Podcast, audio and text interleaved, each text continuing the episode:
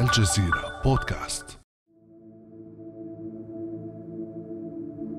على سلم أولوياته وضع وزير خارجية الولايات المتحدة الأمريكية مايك بومبيو زيارته إلى إسرائيل عقب استئناف زياراته الخارجية.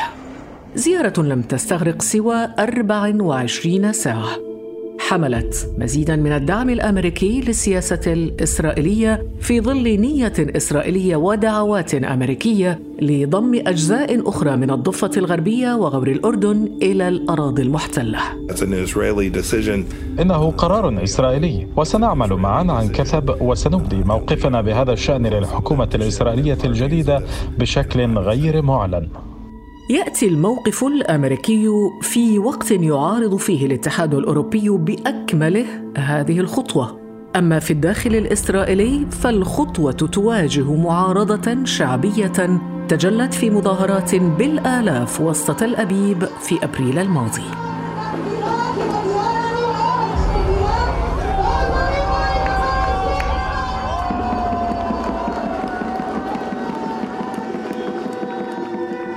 أمام المواقف العربية والدولية والأصوات الداخلية المعارضة هناك ضوء أخضر أمريكي لإسرائيل. فهل تستغل إسرائيل الانشغال العربي والدولي بوباء كورونا لضم مزيد من الأراضي الفلسطينية؟ وما هي ردود الفعل المرتقبة على هذه الخطوة في حال أقدمت على تنفيذ خططها؟ بعد أمس من الجزيرة بودكاست أنا خديجة بن جنة.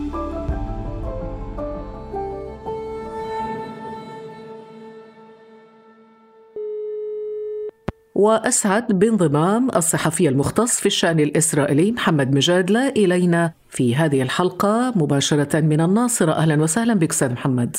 أهلا بك وشكرا على هذه الاستضافة. أستاذ محمد مجادلة ما هي الأهداف المعلنة وغير المعلنة لزيارة بومبيو إلى إسرائيل؟ في محور هذه الزيارة كان هناك ثلاث ملفات. الملف الأول هو ضم مناطق في الضفة الغربية وتحديدا في المنطقة جيم أو المنطقة سي من الضفة الغربية وكذلك مناطق في الأغوار. هذا أولا.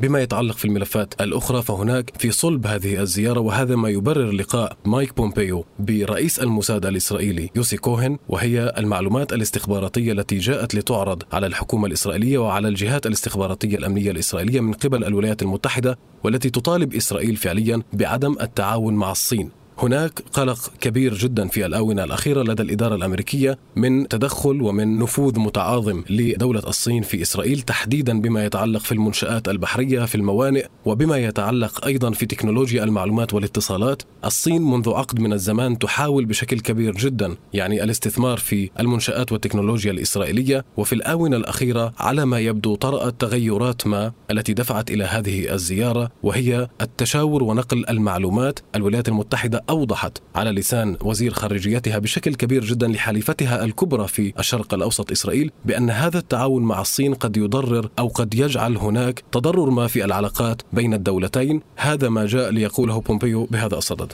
إذا فيأتي في هذه الزيارة يأتي في لبها المحاور الثلاثة أو الملفات الثلاثة التي تحدثنا عنها قضية ضم المستوطنات في الضفة الغربية قضية كذلك النفوذ الإيراني في منطقة الشرق الأوسط وهنا يمكن الوقوف عند هذه النقطة بأن إسرائيل كانت قد سربت معلومات في الآونة الأخيرة من جهات استخباراتية كانت قد قالت بأن إيران تتراجع أو أن نفوذ إيران في الشرق الأوسط وتحديدا في سوريا يتراجع مؤخرا. الولايات المتحدة جاءت لتؤكد من جديد أيضا بأن هذا ليس صحيحا إلى حد كبير وبأن هناك معلومات لدى الاستخبارات الأمريكية تؤكد بأن شكل النفوذ الإيراني في الشرق الأوسط ربما تغير قليلا ولكنه لم يتراجع ابدا وأنها ما زالت موجودة والملف الثالث بطبيعة الحال هو العلاقات الصينية الإسرائيلية المقلقة للولايات المتحدة. أستاذ محمد مجاد ربما نضيف إلى كل ذلك أن الصين تقوم حاليا ببناء شبكة استخبارية تكنولوجية كبيرة في منطقة الشرق الأوسط وهذا مقلق طبعا بالنسبة للولايات المتحدة الأمريكية. يعني هذه المعلومات هي ربما قد تكون في موضع تحفظ من قبل الحكومة الإسرائيلية وكذلك الجهات الاستخباراتية الأمريكية، هذا يعني بأن هذا اللقاء ونحن نادرا ما نشاهد بأن وزير خارجية أي مستوى سياسي يلتقي في المستوى الأمني في إسرائيل، وهنا نتحدث عن اللقاء بين مايك بومبيو ويوسي كوهن الذي هو يتولى منصب رئيس الموساد في إسرائيل. هذا اللقاء جاء ليوضح المعلومات التي تمتلكها الولايات المتحدة وهذه المعلومات تفيد بأن الصين تقوم بإنشاء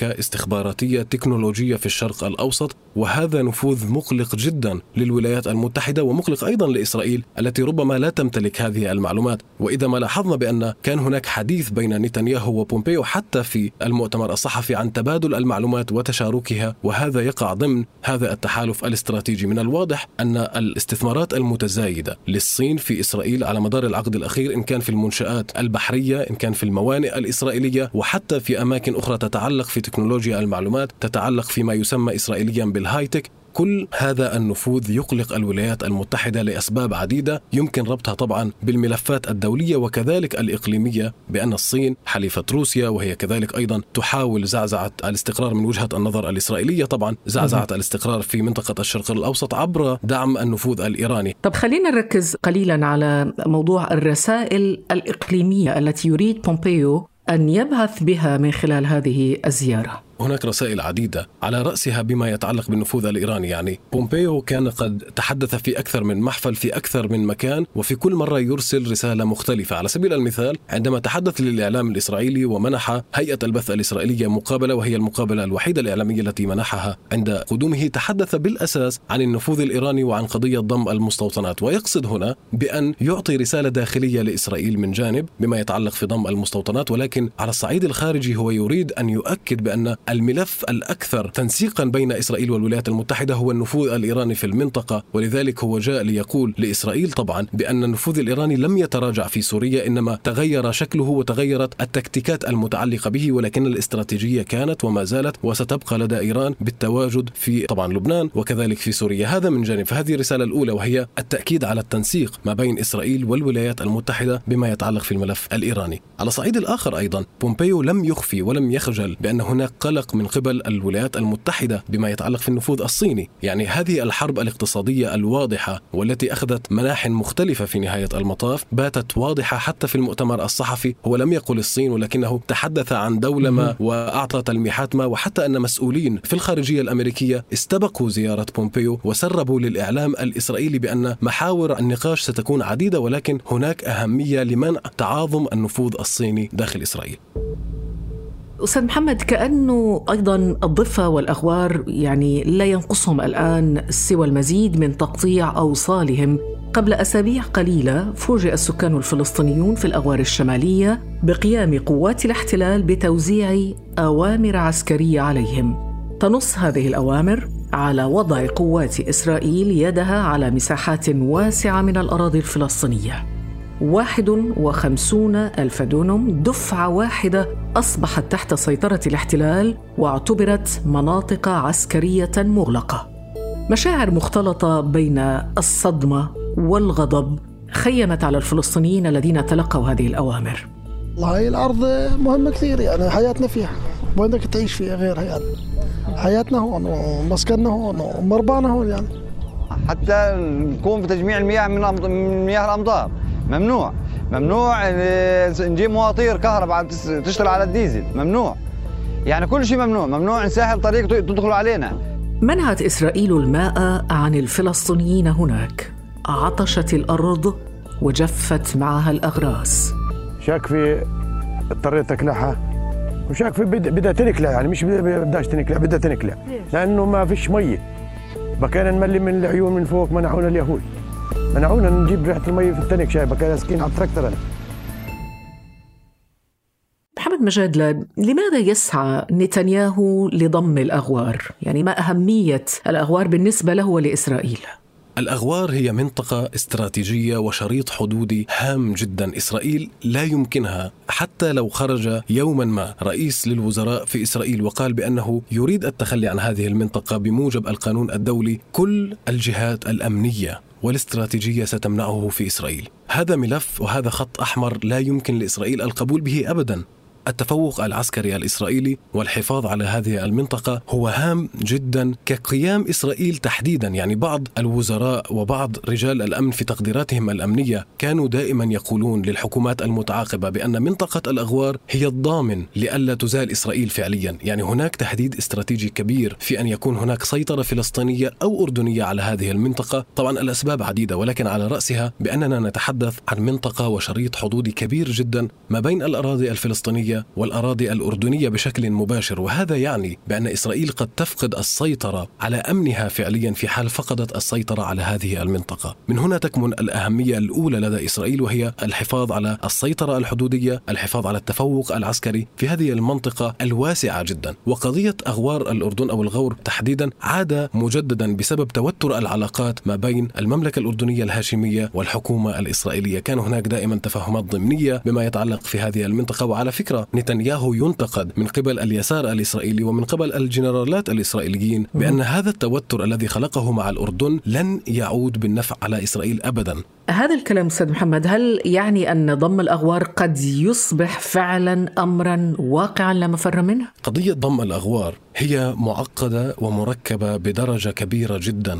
الحكومة الإسرائيلية التي دخلت فعليا والتي أقيمت هذه الحكومة عليها أن تقدم دائما للكنيست ما يسمى بالخطوط العريضة للحكومة ولعمل الحكومة لكي تصادق عليها. وهذه الخطوط العريضة تأتي من ضمن اتفاق الائتلاف الذي يبرم بين نتنياهو وغانتس. المفاجئ بأن نتنياهو الذي تغنى دائما بإمكانية ضم الأغوار لم يقدم ضم الأغوار ومناطق في الضفة الغربية ضمن الخطوط العريضة لهذه الحكومة وهذا يعني بأن نتنياهو يدرك أن هذا الملف شائك وحساس جدا ولا يمكن حتى أن يعطى للكنيسة لكي يتم التداول به لأنه يعرف بأن هناك تضارب في وجهات النظر وبأن هناك قلق دولي وإقليمي أيضا من هذا الملف لذلك هو لم يرد أن يخاطر في إقامة حكومته الخامسة والحكومة الإسرائيلية الخامسة والثلاثين. ولكن مع ذلك لا يمكن التقليل من شأن هذا التحديد نعم نتنياهو جاء ليغلق الملفات التاريخية الإسرائيلية وإذا ما وقفنا سريعا على التساؤلات التي تشغل المفكرين اليهود الإسرائيليين هناك ملفات عديدة شائكة ولكن أبرزها هي قضية يهودية إسرائيل أم ديمقراطيتها وهذا حسمه نتنياهو بشكل واضح بما يتعلق بقانون القومية العنصري الذي يعني نعم. يحتكر السيادة الإسرائيلية أو الحق اليهودي فقط نتنياهو يسعى لإغلاق هذا الملف أيضا لكي يكون هو رئيس الوزراء الأكثر أهمية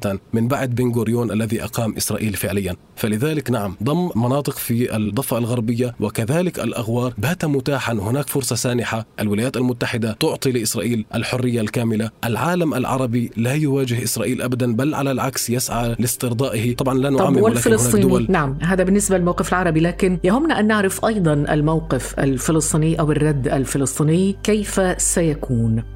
في الوقت الذي يعصف وباء كورونا أستاذ محمد بالمنطقة وبالعالم مهددا دول العالم كلها إلا أن الموقف الرسمي الفلسطيني حذر من استغلال إسرائيل لهذا الوباء لتنفيذ مخططاتها بضم المزيد من الأراضي الفلسطينية وهو ما عبر عنه الرئيس الفلسطيني محمود عباس. لا يتوهمن أحد أنه يستطيع أن يستغل انشغال العالم بأزمة الوباء التي تواجهنا. فنحن بالمرصاد لكل من تسول له نفسه أن يتلاعب بحقنا. وفي هذا السياق فقد أبلغنا جميع الجهات الدولية المعنية بما في ذلك الحكومتين الأمريكية والإسرائيلية بأننا لن نقف مكتوفي الأيدي إذا أعلنت إسرائيل ضم أي جزء من أراضينا. كما أجرينا بعض المقابلات في الشارع مع مواطنين فلسطينيين وكانت هذه آراءهم. أنا باعتقادي أن سياسة الضم التي ينتهجها نتنياهو هي نتيجة لاستغلاله لانتشار أزمة كورونا وتفشي وباء كورونا وانشغال العالم بأسره. وبالتالي هو يعلم جيدا بأنه لن يوجد أي شخص في العالم يحاسبه على هذه خطوات التوسع والاستيطان. وباعتقادي أن الشعب الفلسطيني لن يقف مكتوف الأيدي أمام هذه السياسة وأمام هذه الهجمة الاستيطانية الاستعمارية التي يشنها نتنياهو وآخرها قانون الضم الذي يشمل أكثر من 30% من مساحة الضفة الغربية. ما الذي يمكن أن يفعل في ظرف كهذا؟ في هذا الواقع الحالي القيادة الفلسطينية لا تملك من أمرها إلا أن تقوم بأمرين. أولا أن تقوم بقطع العلاقات مع إسرائيل. أن تنهي ما يسمى بالتفاهمات والاتفاقيات المبرمة مع إسرائيل. هذا على فكرة سيعرض الفلسطينيين لخطر والقيادة الفلسطينية لخطر لا يقل عن الاحتلال الموجود حاليا لأنه ربما يخلق حالة من الفوضى أولا وربما أيضا سيؤدي إلى زعزعة الاستقرار في الأراضي الفلسطينية وربما لذلك القيادة الفلسطينية حذرة من القيام بهذا الأمر. ناهيك أيضا عن أنه يعني سيدفع بالفلسطينيين للعودة إلى المربع الأول وهو بأنهم لن يملكوا جواز سفر. هذا الجواز المبني أساسا على اتفاقيات أوسلو فهذا سيكون يعني سيناريو صعب جدا على الفلسطينيين. هذا من جانب. من جانب آخر هناك إمكانية لدى الفلسطينيين بأن يرمموا الصدع الموجود وأن يرأبوه فعليا أن ينهوا هذا الانقسام بين حماس وبين فتح أولا وأن يقوموا بترميم العلاقات بعد ذلك مع الدول العربية. هناك عدد وهناك أيضا آراء منتقدة بشكل كبير جدا للفلسطينيين بسبب خلافاتهم الداخلية وفعليا عدم ترتيب البيت الداخلي الفلسطيني وهذا ما تستغله إسرائيل حتى بمخاطبة دول العالم العربي التي تحاول أن تضع لها موطئ قدم أو للإنصاف دعينا نقول هي وضعت هذا الموطئ وتقيم علاقات استراتيجية مع بعضها. فلذلك الفلسطينيون يقفون أمام يعني خيارين بالفعل أحلاهما مر. يعني أنا سأعطيك مثال بسيط. أي قيادي فلسطيني لكي يخرج من رام الله ويصل إلى الخليل عليه أن يمر بالحواجز الإسرائيلية. هذا يعني بأنه لو لم يكن هناك تنسيق بين إسرائيل والسلطة الفلسطينية الفلسطينيون سيعيشون بسجن كبير منطقة الضفة الغربية التي يأكلها الاستيطان من كل مكان. ناهيك طبعا عن كل الخدمات المقدمة وكل الأمور التي يعني يعيشها الفلسطينيون في واقعهم الحالي. كل شيء يدار من قبل إسرائيل. هي التي تدير اللعبة هي التي تدير الحواجز هي التي تمنح هذه الأموال حتى للفلسطينيين. رأينا قبل فترة عندما احتجزت الأموال العائدة من الضرائب الفلسطينية كانت على وشك الانهيار السلطة الفلسطينية. فكل هذا الواقع وفي ظل التراخي العربي في دعم الفلسطينيين والقيادة الفلسطينية في قطاع غزة وكذلك في الضفة الغربية كله يخلق هذا الواقع والذي بموجبه لا يملك الفلسطيني البسيط وكذلك القيادي ما يقوم به إزاء ما تقوم به إسرائيل اليوم. شكرا جزيلا لك محمد مجادلة الصحفي المختص في الشأن الإسرائيلي. ألف شكر لك أستاذ محمد. كل الشكر لك. كان هذا بعد أمس.